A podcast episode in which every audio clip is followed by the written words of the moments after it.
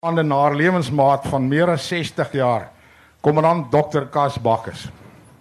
Die woordfeesprogram klingel lui. Margaret Bakkes, ons vier met 'n V 'n lewe. En gaan aan met die Stormberge is armer na die afsterwe verlede jaar van die vier met 'n F. Rooikop skrywer. Moet sê ek persoonlik was nou nie lus vir hierdie ding nie. Maar die dooies Hulle eie dooies begrawe, het Jesus gesê. Menene wat verby is, verby. Die lewe gaan aan. Maar soos Kales, hoe sê hoe sê hy in the kite runner sê, the past claws its way back. So het my ma ook gesê, niks is vir ewig verby nie. Daar is altyd die onthou. So vandag word onthou. Wie was Margaret Bakkes? Margaret Magdal Bakkers is op 14 Desember 1931 op 'n plaas in die distrik Sterkstroom in die Stormberge gebore. Sy was die oudste kind van Hendrik Oukamp en Matilda de Villiers. Haar ma was 'n sangonderwyseres. As gevolg van die depressie kon haar pa en oupa nie saam 'n bestaan op die plaas Klapkloof maak nie en kry haar pa werk as bestuurder van 'n groot melkplaas in die destydse Transvaal. Hulle vertrek na die Transvaal en die jare daarna was swerfjare, het sy altyd vertel. Na die melkplaas was daar 'n betrekking by die departement landbou wat ons die land laat deurkruis het. Pretoria, Brits, Dene, Grootfontein, Pretoria.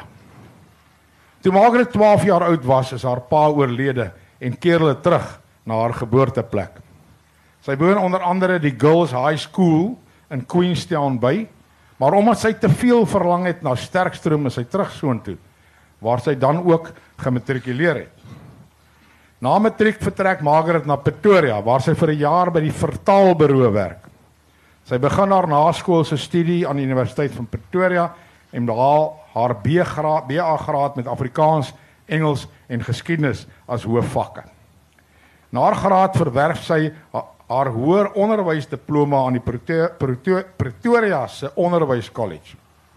Sy hou hou 2 jaar skool aan die hoërskool Chapman in Pretoria en tree in huwelik met Kas Bakkes, 'n geskiedkundige. Hulle het mekaar ontmoet toe Margaret as student by sy moeder, die weduwee Bakkes, geloseer het. Hulle het eers 5 jaar later getrou aangesien hulle eers moes klaar studeer en daarna ook werk kry. Haar man word aangestel as dosent aan die militêre akademie op Saldanha en die gesin woon 12 jaar daar. Die invloed van die Weskus is duidelik sigbaar in die naam Malgas, die naam van hulle huisie in Pretoria waar die bakkers gewoon het. Hulle het 4 kinders. Johannes, Marius, Matilde en Christian. Van wie Johannes en Christian self ook skrywers is volgens oorlewering. Margaret en Cas het in 2012 in die Parel gaan aftree waar Cas in Januarie 2016 na 'n siekbed oorlede is en sy kort daarna. Nou bogenoemde is 'n kliniese sinopsis van Margaret se lewe. Maar wie was sy regtig? Ek moet myself hier in die rede val om eers die mense hier saam met my op die verhoog te verduidelik. Hoekom hulle nie op die program aangedui is nie? Hulle is impakspelers van formaat. Soos julle kan sien is ons 3 en nie ons 4 die lewe soos by die program nie. Ha ha ha. Woordspeling. Ek sou eintlik vandag saam met Dawie Rood op die vereiste Baikal meer in Siberië gewees het. As impakspeler het ek my ma se oudste kleinkind Kara Koorts se nee Bakkes van Parys Vrystaat laat invlieg. Wie beter kan oor haar ouma miskien in kaneel praat. Broer Marius hak vas iewers in Helspruit. En ons, ek en hy bid en smeek vir dokter Janet Ferreira, hoogs geleerde, 'n gewese professor aan Universiteit Zululand en Pretoria met 'n PhD om asseblief te kom saamkuier. Nie oorlaat sy so geleerd is en 'n hoop boeke al die lig laat sien dit nie. Maar oorlaat sy net Janet is en nog nooit geroem het oor haar prestasies nie en omdat sy my ma se vriendin, redigeerder en klankbord was. Miskien die beste vriendin na Tannie Elise Botha. Janet, ek sê sommer nou hier voor almal moer dankie vir wat jy vir ons ma gedoen het. En al ons bakke se lief vir jou baie.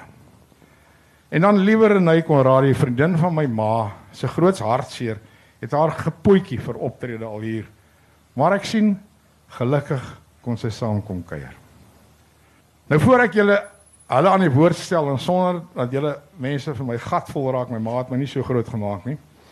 Sal ek graag 'n paar dinge wat ander oor my ma se wese en wese kwyt geraak het met julle wil deel. Lisbeth Botha, dogter van Tannie Dr Elise, my ma se beste vriendin soos genoem. Van aanskyn was Margaret 'n formidabele verskynsel. Lank en lenig met 'n welige bos diep rooi hare wat altyd stylvol in toom is.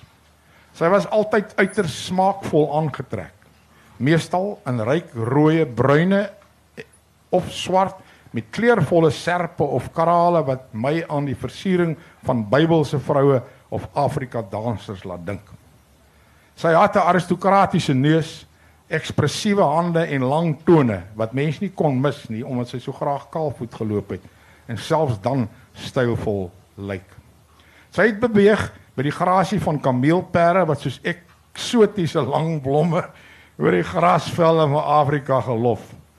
Margaret het nie graag stil gesit nie. Sy was 'n dinamiese vrou in die ware en letterlike sin van die woord. Maar wanneer sy stil gesit en geluister het, wat sy ook goed kon gedoen het, was dit bewegingloos soos die bidspringkaan en met dieselfde enigmatiese voorkoms. Nena Haar skoondogter sê ook sy was 'n dinamiese vrou, 'n vasvatter. Niks kon haar onderkry nie. As iets haar ontstel het, sou sy vir 'n oomblik weifel, maar dan dadelik weer haar rug reguit maak, die probleem uitsorteer en met die lewe aangaan. En dan altyd later met humor terugkyk na die moeilike tye. Nana sê ook as dit nie vir Margaret was nie, was sy lankal nie meer met haar ou seentjie getroud nie. Dis nou ek. Hulle se gatte ook, sê ek.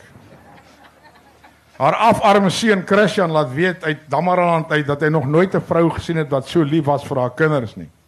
Soos die spreekwoordelike leeuwyfie, sou sy haar kinders beskerm, soms tot die punt van verleentheid en irritasie vir haar welpe. Maar met kinders soos haar, hoe kon sy anders? My liefste suster Matilde, Ma Bakkes se naam, se ma se naam genoot, sê uit Kanada. Ma kon baie ongelukkig geraak oor sekere dinge. Maar aan die ander kant sou dit bitter min vat om haar gelukkig te maak. Gee haar net 'n gemmerkoekie en 'n koppie tee. 'n Goeie boek of 'n rolprent, 'n mooi stuk musiek, 'n nuwe rooi kussing, 'n kaal stuk lap om iets op te borduur. My broer Marius uit die Nelspruit uit sê 'n gewone vrou met 'n gesin en die behoeftes, strewes en drome van 'n ma en 'n eggenoot. Sy wou maar net haar mense goed en gelukkig sien. En sy was gelukkig dat dit so vir haar uitgewerk het.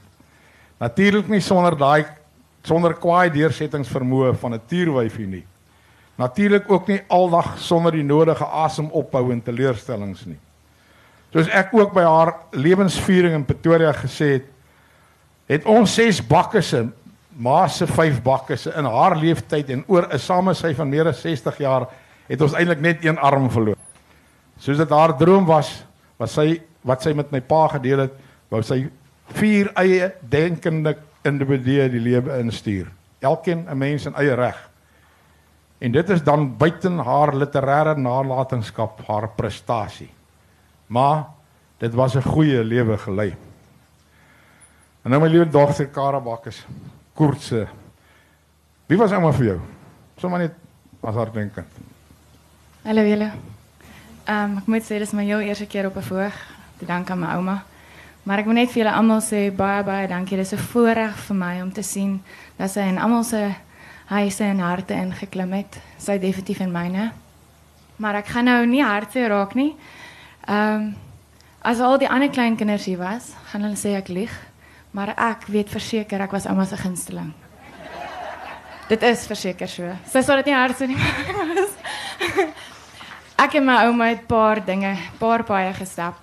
Um die woorde wat my pa nou gesê het, wat almal gesê het, dis waar. My ouma en Kaneel het sy opgedra aan my, die eerste kleinkind. En as jy kan lees, ouma en Kaneel, Dit was eintlik haar storie, haar kinderdae. En die een ding wat my ouma altyd wil gehad het is haar geliefdes naby haar. So van kleins af kan ek onthou, sonoggemiddag moet ons na ouma toe gaan. Jy weet dit is 'n gery van Centurion Pretoria toe Waterkloof hoogte. Maar ek weet van vroeg af staan my ouma daar. Sy's al klaar besig met die hoender. Boere pampoen, kool, witsous, rys. Oupa sê nie 'n dooie woord nie. Kinders kom in.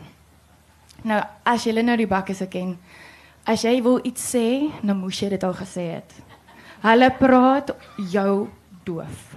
So nou is dit nou die vier bakke se aan die tafel. Die kos lê voor ons. Oupa sê nie 'n dooie woord nie. Marius praat, Tella praat. Ons praat oor die week wat gebeur het en wat gaan gebeur. En so, ek gunsteling kleinkind word van onder die tafel klein geldjies gegee of sweeties gegee en dan kom ek weer by die huis en dan dink my ma hulle, "Waar het jy nou weer dit uitgekrap?" Dan sit Marius wat onder die tafel vir my geldjies gee. Maar die een ding wat ons na na so ete, dan word die roomys uitgehaal met kakao sous. En dan is daar stilte op daai tafel, want is net 'n gekap. Daai roomys moet nou sag. En dit is 'n geroer. Daar's nie 'n dooie woord nie oupa sê niks en ons word net geëet. Daarna na tafel, dan gaan ons sitkamer toe, almal kry 'n bank, die koerantpapier word op die mat so uitgelê. Kinders kyk, skryf, plap, knip uit. Dit was daar was altyd kuns in ouma se huis. So word die stadige Sondag maar rustig en almal kry 'n lêplekkie. Vinnige 15 minute voordat ons huis toe vaart gaan. Maar wat ek vir ouma kan sê is my ouma, soos hulle sê, sy het altyd swart met 'n tussel rooi, rooi handsak, belt, groot ringe en juwele. Soos ek sê, ek was die gunsteling, so ek het baie van ouma se juwele geërf. En hierdie is vir my een van die bestes. Dis 'n Ikipa. Dit kom van Namibia af. Die Himba sê dit. As jy getroud is, dra jy dit. Weet jy, hierdie ding is vrek swaar. Ek weet nie hoe my ouma bo gestaan het en hierdie juwele altyd gedra het nie. Um ek en my ouma het altyd diep gesprekke gehad. Een tot een. Oor 'n rooibos tee of 'n teetjie en 'n gemmerkoekie. En die lewe het sy vir my gesê, my kind, jy moet net aanhou glo. Wat jy wil hê, gaan jy kry. Um my ouma was my lewensmaat ook. Um ek mis haar elke dag. Sy was 'n baie sterk mens, maar sy was vol kak. Sy het ons almal 'n lewe gelei, maar ek sal nooit die dae in Parel of in Pretoria opgee nie. Jy weet as sy sê Kara, kom ons gaan drink tee. Klim ek in die karretjie en dan sing sy. As sy so gelukkig raak en begin sy te sing, dan dink ek o, jy's hysteries, hier kom ons. Dan kom ons in die restaurant en begin sy te sing. Nou raak dit net so, so. Maar dit was die lekkerste tye saam met my ouma. Ek het eintlik so baie om vir julle te vertel van my ouma. My eerste oorseese trip was saam met my ouma. Ek het van die Kaap af gevlieg. Ek was 19 jaar oud. Alleen daai stukkie vir 2 ure gevlieg tot in Johannesburg. Toe ek my ouma sien, toe is ek so bly, want ek kan nie nog 11 ure en dan nog 13 ure Kanada toe vlieg nie. Ons was 'n hele maand daar met my tannie hulle in Kanada en ons het so geniet. Ons het 'n kamer gedeel. Ons het stories vertel. Um as ek kyk na my ouma en my oupa se verhouding, dan is dit is merkwaardig. Oupa het altyd ouma se voete elke middag gevryf. En ek is net so dankbaar dat ek ook 'n man nou kon gekry wat dit ook doen. Hy vryf nie altyd die voete nie, maar hy is daar. Maar um My oupa het ook gesê jy moet op jou knieë gaan om vir die regte mens te bid. En ek het toe voordat gegaan het, het ek vir my oupa gesê, kan kan ek nou maar afklim? Ek is nou my knieë is nou moeg. Maar ehm um, my ouma en Kaneel was die fossaar nooi. En ek dink elke dag aan haar. En sy is nooit te gewe en die een ding wat ek by haar geleer het is die doodskleed het nie sakke nie. So geniet jou meubels en jou dingetjies, maar jou vriende en jou vriende en jou familie meer. En geniet daai tyd saam met hulle want dit is kosbaar. En dit is wat ek wil sê.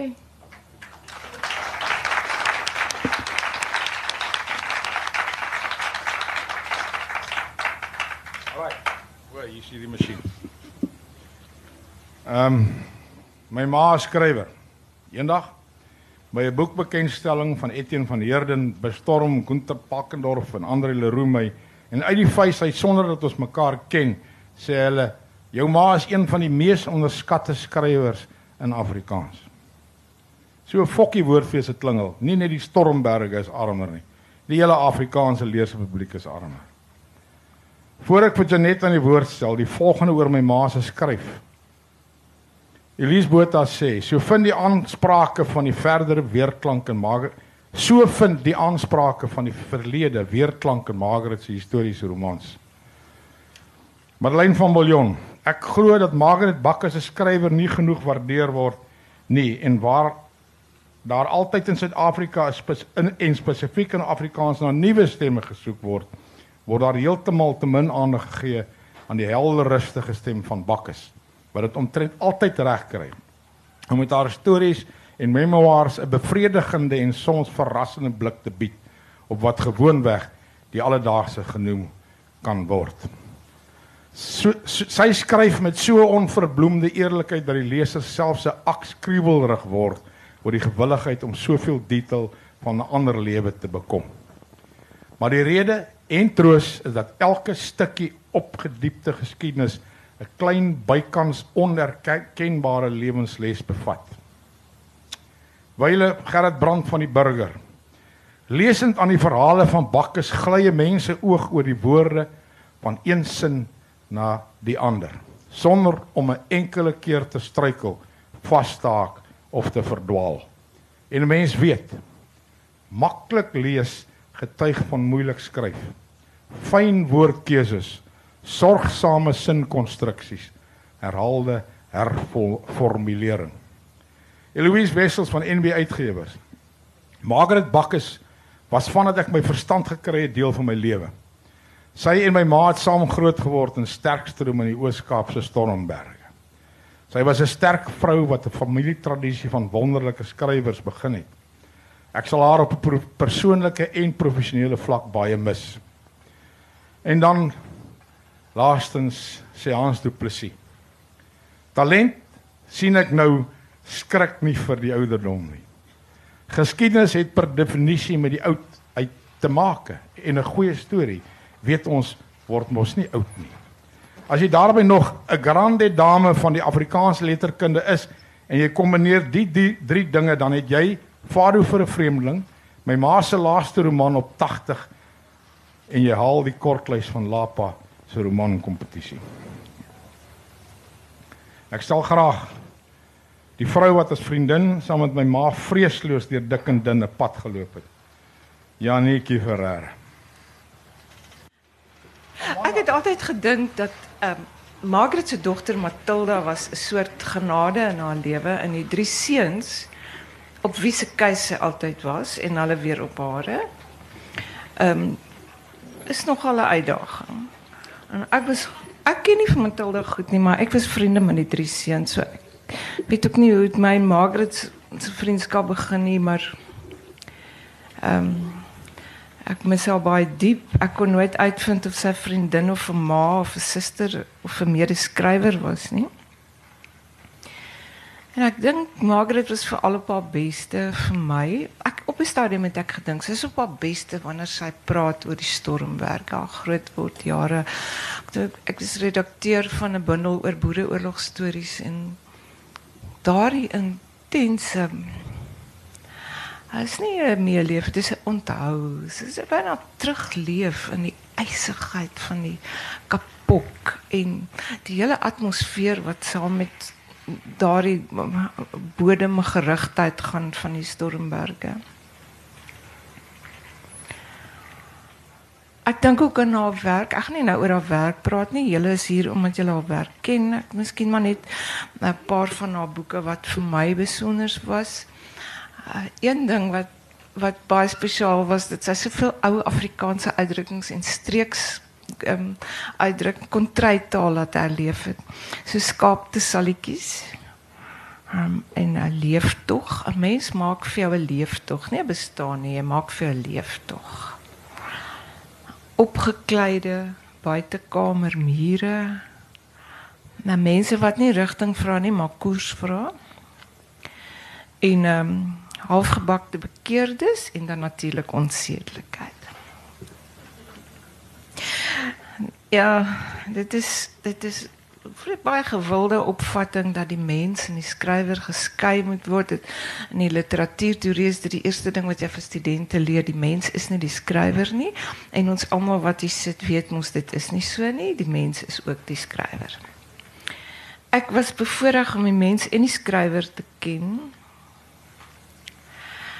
En al wat ek van die skrywer kan sê en dan moet ek terselfdertyd ook oor die oor die mens sê is dat 'n mens niemand anders gaan betekenis vir jou aan jou lewe gee en niemand gaan namens jou trots wees op wat jou eie is en jou afkoms nie. Jy moet dit self doen. Jy moet self aan jou lewe 'n betekenis gee. Margaret het dit gedoen maar sy het ook betekenis gegee aan ander mense se lewe Ek dink regtig nie Margaret was 'n engel nie, sy was hoogs bevoeterd as sy vir haar aanleiding gegee. Ehm um, sy het vir jou dit baie goed laat verstaan, jy droog gemaak en dat dat jy wel daarop weer hieroor sal praat. Sy het altyd ook vir mense krediet gegee. Waar jy dit die minste verwag het, as daar iets goeds is, weet jy, dit laat my dink aan iets wat regter Steyn een keer gesê het toe hy 'n uh, 'n moordenaar moes vonnis. Hy het hom begenadig en toe sê hy maar as daar nog iets goeds is wat gered kan word in hierdie man kom ons spaar sy lewe en ons kyk of ons dit nie kan bevorder nie. Margaret het altyd nog iets goeds gesê selfs oor haar vyande en sy was 'n Sy was baie goed met langtermyn vriendskappe en glad nie sleg met langtermyn vyandskappe nie. Ek ook.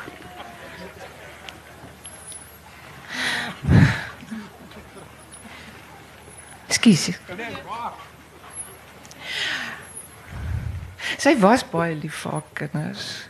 En Margaret het vir my geleer, my ou darling, sy het my altyd my ou darling genoem, ons sal oorleef, nie as gevolg van ons kinders nie, ten spyte van hulle. In Hamlet lees ons dat ek kan nie sy presiese woorde roep nie. Maar dit kom daarop neer um, alles wat lewe moet deur die natuur na die ewigheid reis. Margaret het dit gedoen. Haar reis is nou verby. Sy's op pad na die ewigheid toe.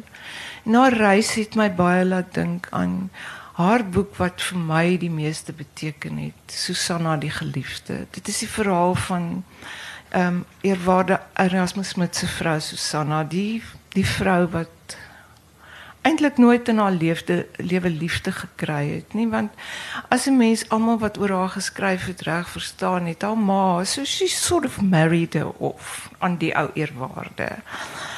Um, wat veel ouer sy was van wie sy nie liefde of dank of sorg gekry het nie Ek dink nie dit was 'n deel van Margaret se lewe nie. Ek weet dat Margaret met groot waardering oor haar ma gepraat het dat sy uh met permissie gesê 'n meer gespanne verhouding met haar pa gehad het, maar dat sy nooit ehm ook vir haar pa genade gehad het in die sin dat sy ingesien het maar daar is nog baie goeie goed dat sy ook hom kan sê.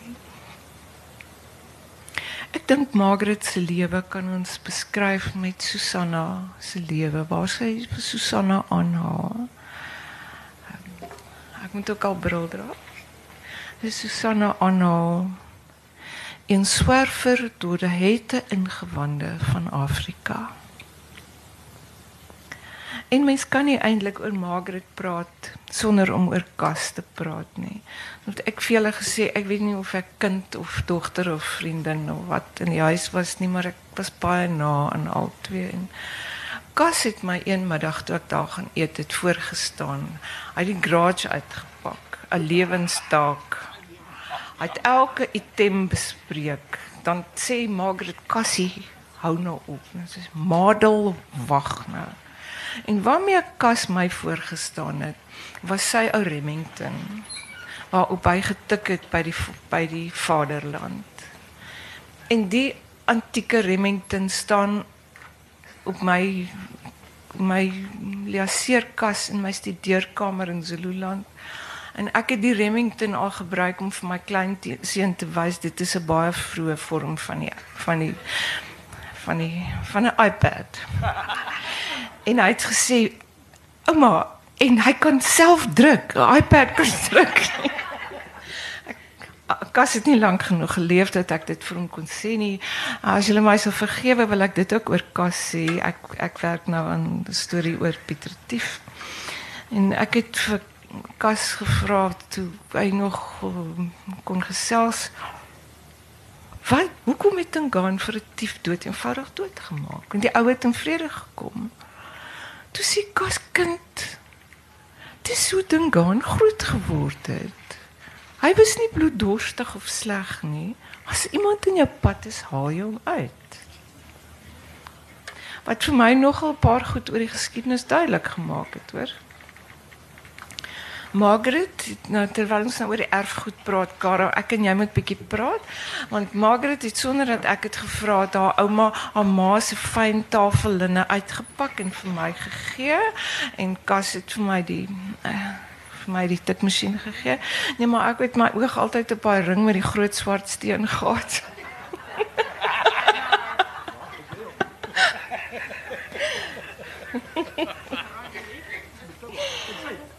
Ek sal nooit die ring afneem.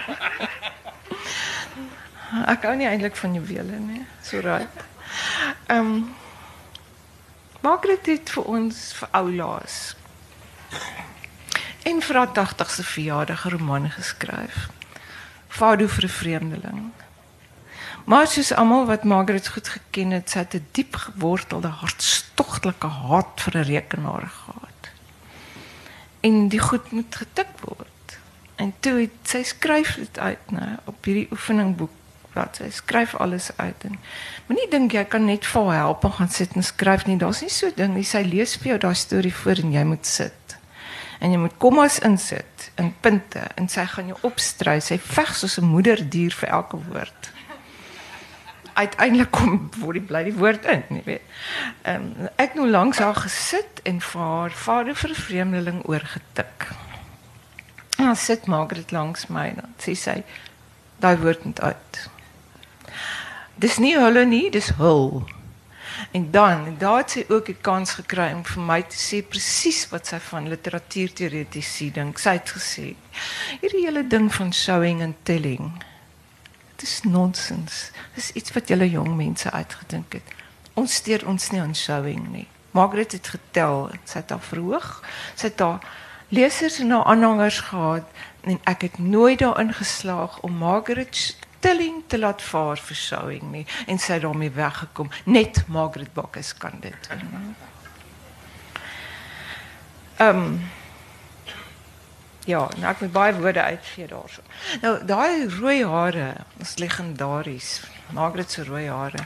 Ek ken 'n paar vriendinne. Ons het nog in Pretoria gewoon het, het ons die eerste maandag van elke maand saam gaan eet. En wat was Wie was dit almal, nee? Ek en jy en Elise en Eleanor Baker en Helene. Connie en Erika Maritron. En eendag het ons daar by 'n restaurant daar teen Myntjies kop gaan eet en Margaret het daar ingery gekom met haar lang kar, daai goue kressie daar. En sy het hom daar gepak, maar daai restaurant, jy kan nie daar uitkom nie. Jy's hier op die rand van die afgrond as jy uitkom. Jong, en toe ons 'n paar glase wyn ook gedrink. En toe ons daar uitkom, toe kry Margaret nie haar kar uit nie. En sy spring uit daai kressie daar uit. En sy skreeu op daai bestuurder wat bekommerd daar oor die balkon weer presies wat sy dink van sy parkeerreëlings. En ek dink daai reëlings het intussen verander, hoor. Nou dis maar ek Johanna, ek praat nou nie lank genoeg. Maar ek wil sê oor my dierbare vriendin Margaret en ek dink ek praat namens almal. Ek wil Margaret die geliefde 'n goeie reis na die ewigheid toewens. En mag haar kennis en haar lewensdrif en haar wysheid vir altyd by ons bly. Nou dat sy vir ons glimlag agter die verste ster.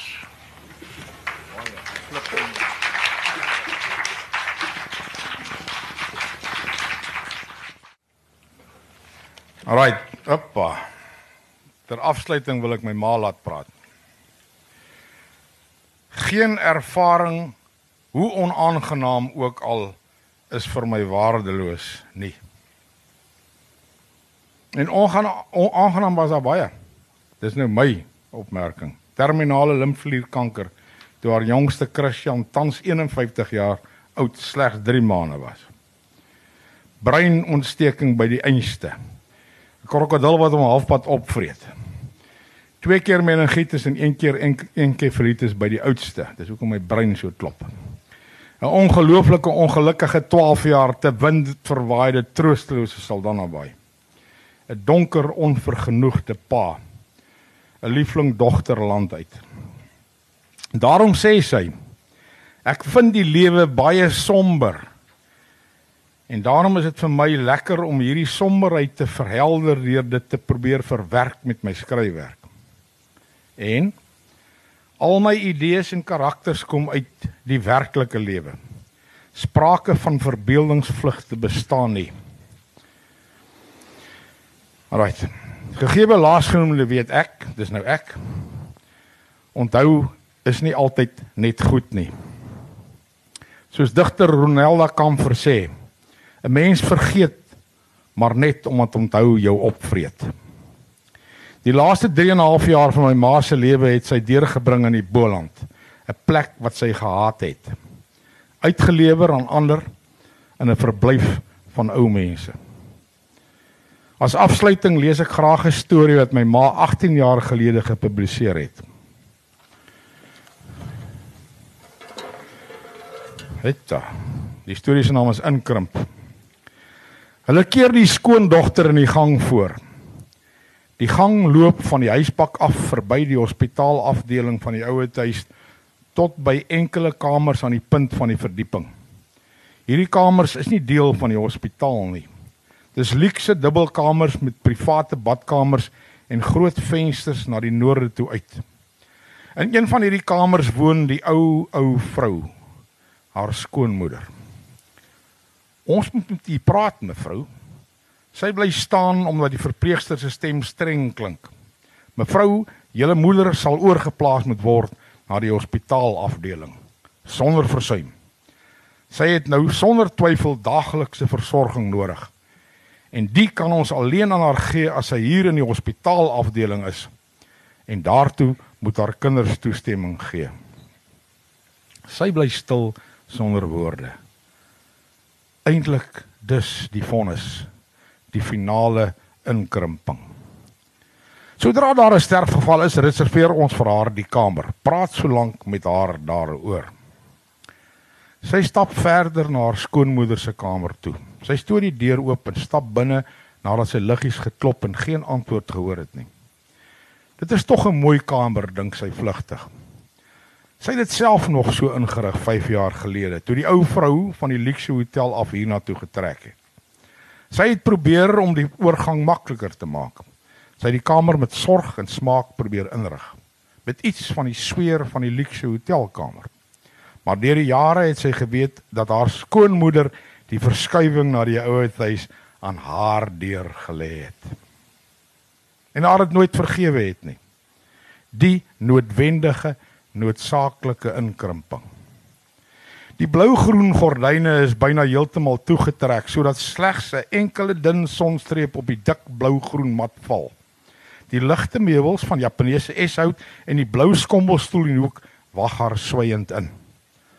Maar daar is die weege reuk van ouderdom en verval en agteruitgang in die kamer. Môre mamma.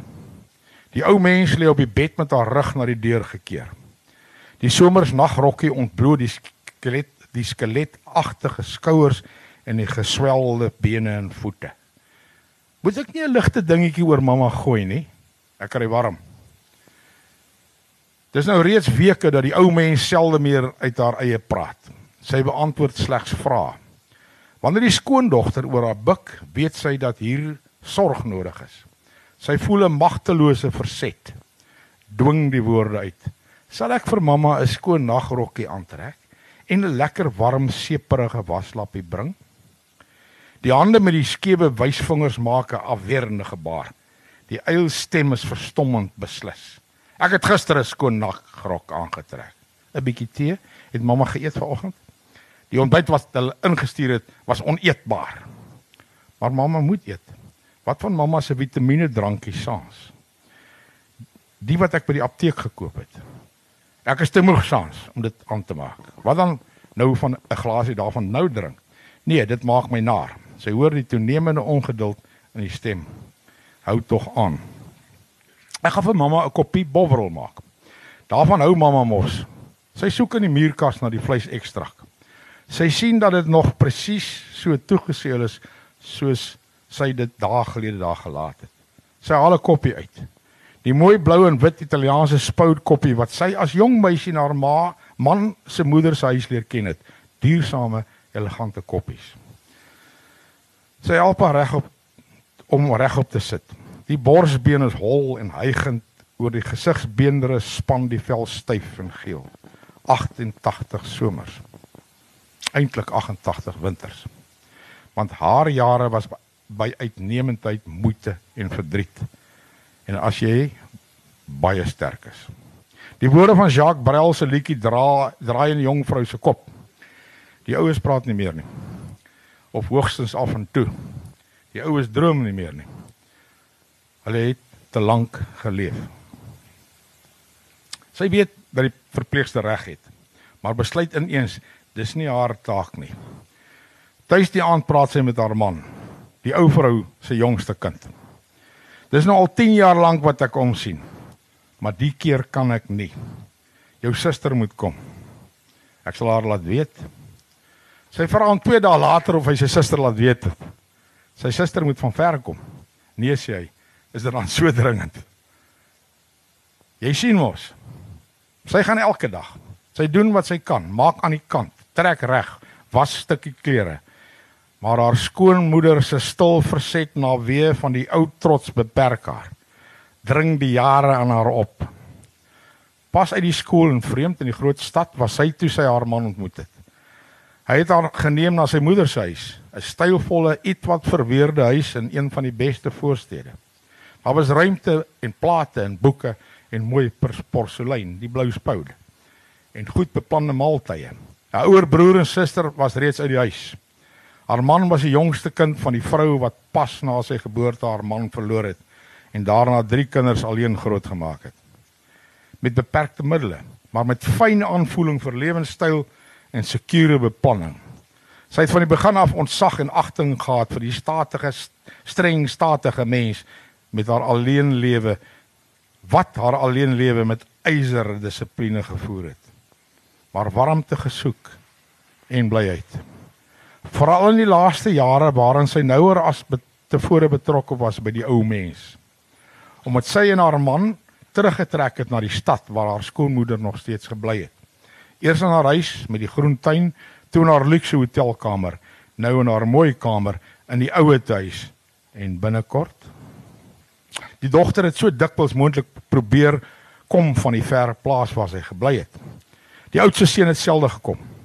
Maar as hulle kom, was die ou vrou vir hulle steeds die trotse, die streng, onafhanklike mens.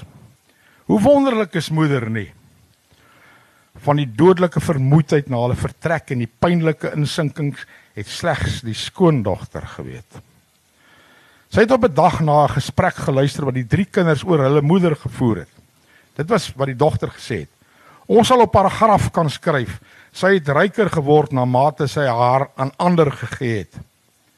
Die oudste broer het geantwoord: Sy het haar gegee, maar slegs aan haar kinders, nooit aan ander nie. Die skoondogter het geweet van die waarheid van hierdie woorde en haar verwonder oor die insig van die man wat sy moeder se huis vroeg verlaat en eintlik selde teruggekeer het. En nou was dit sy wat die ou vrou op die laaste pylpak moet bystaan. Sy het gedink aan die Bybelse woorde. Geweet, die wedloop was straf en probeer vergewe. Maar by haar besluit gebly die dogter moet kom want sy hoor die woorde al vir die afgelope 5 jaar. Julle het my nou uiteindelik hier, maar julle moet my nooit na die hospitaal afdeling laat gaan nie. Hier in hierdie kamer wil ek bly. Beloof my. Daarom sou sy niks sê van die verpleegster se woorde nie, maar net maar elke dag gaan en doen wat sy kan tot die dogter kom. Op 'n dag keer die verpleegster haar weer voor. Daar was 'n sterfgeval vannag. Môre word die kamer ontruim en uitgeverf. Oor die naweek kan julle moeder intrek. Die aand bel sy self die dogter. Jy moet haar kom sê. Hierdie keer moet jy haar kom skuif. Jy moet môre op die trein klim. Die dogter arriveer 2 dae later. En van daardie dag af gaan die skoondogter nie meer na haar skoonmoeder toe nie. Sy sien dat haar skoonsister vermoeid en hartseer lyk wanneer sy saans terugkeer om by hulle te slaap. Maar sy vra nie uit nie omdat sy eintlik nie wil weet nie. Buite wil staan. Eintlik na 'n week kondig haar man se suster aan. Mamma is nou oorgeplaas na die klein kamer in die hospitaal afdeling. Dis 'n suidkamer, koud. Ek het dit soos haar ou kamer probeer inrig, dieselfde mat en gordyne alles. Maar dit is so klein, so klein. Ek sal moet teruggaan na my man toe. Dis appeloestyd. Ek kan nie langer vertoef nie. Tot oormôre sal ek bly. Sy praat tog selde meer. Ek het haar gevra of sy vir my kwaad is omdat ek haar uit haar mooi kamer weggeneem het. Sy het nie geantwoord nie. Net maar na my gekyk. Sy is tog na alles so wonderlik sterk, so trots. Wat doen 'n mens? Wat 'n mens moet. En as ek nou weer weg is, ek sal elke dag gaan, soos ek gereeld gegaan het met die jare. Ek weet dat jy nie langer kan bly nie. Ek sal gereeld gaan en jou laat weet. Nou dat jy kom doen net wat jy moet. Die man sit sy suster twee aande later op die trein. Hy is vermoed en verlig toe sy toe hy van die stasie afkom. Nou is dit ook agter die rug. Ons moet maar vroeg gaan slaap. Die telefoon lui om 10 uur. Dit is die verpleegster. Julle moet kom. Moontlik moet julle moeder opgeneem word. Tog nie dit ook nie, dink die skoondogter. 'n Vreemde groot koue hospitaalsaal met net 'n bed in 'n bedkassie tydelik joune. Sy staan vir die eerste keer die nuwe sy stap vir die eerste keer die nuwe kamer binne. Voel die koue van 'n suidkamer. Daar is dieselfde meubels, dieselfde mat, dieselfde gordyne, maar dit is klein en oorvol. So die dokter en die verpleegster en sy en haar man beswaarlik bymekaar en by die stuurstop vir silinder verby kan beweeg as hulle voor die bed wil kom. Dis te vol, te verskriklik vol, wie die skoondogter. Sy sal môre moet kom en dit leer maak. Vir die laaste pyvak is daar immers net die basiese nodig. Jare se peterytjies en snuisterytjies en tafeltjies en boeke en fotos en vase vol blomme is nie meer van belang nie. Dis byna verby, sê die dokter. Geen sin om haar weg te neem nie. Die skoondogter kyk na die ou vrou en weet dat hierdie vermoeidheid dodeliker is, dat hierdie insinking die finale insinking is. Die dogter het vertrek. Sy's ergens in die nag op 'n voorsnellende trein. Hulle begrawe haar daar later in 'n ou kerkhof langs haar man, sonder wie sy 52 jaar geleef het. Die skoondogter staan vlak by die graf en sy weet verwonderd hoe klein, hoe heel klein is hierdie laaste smal omhulsel. Hierdie laaste aardse woonplek. Ongelukkig onthou ek my ma nie as die skoondogter nie, maar as die ou vrou. Ek weet in retrospek sou my ma my eerlikheid waardeer. Want met die storie inkrimp was sy net so eerlik. Laat hierdie vir ons almal hier vandag 'n vingerwysing wees. Onthou, dis hoe ons die wedloop voltooi en die lint breek. Want dit is partykeer die laaste onthou.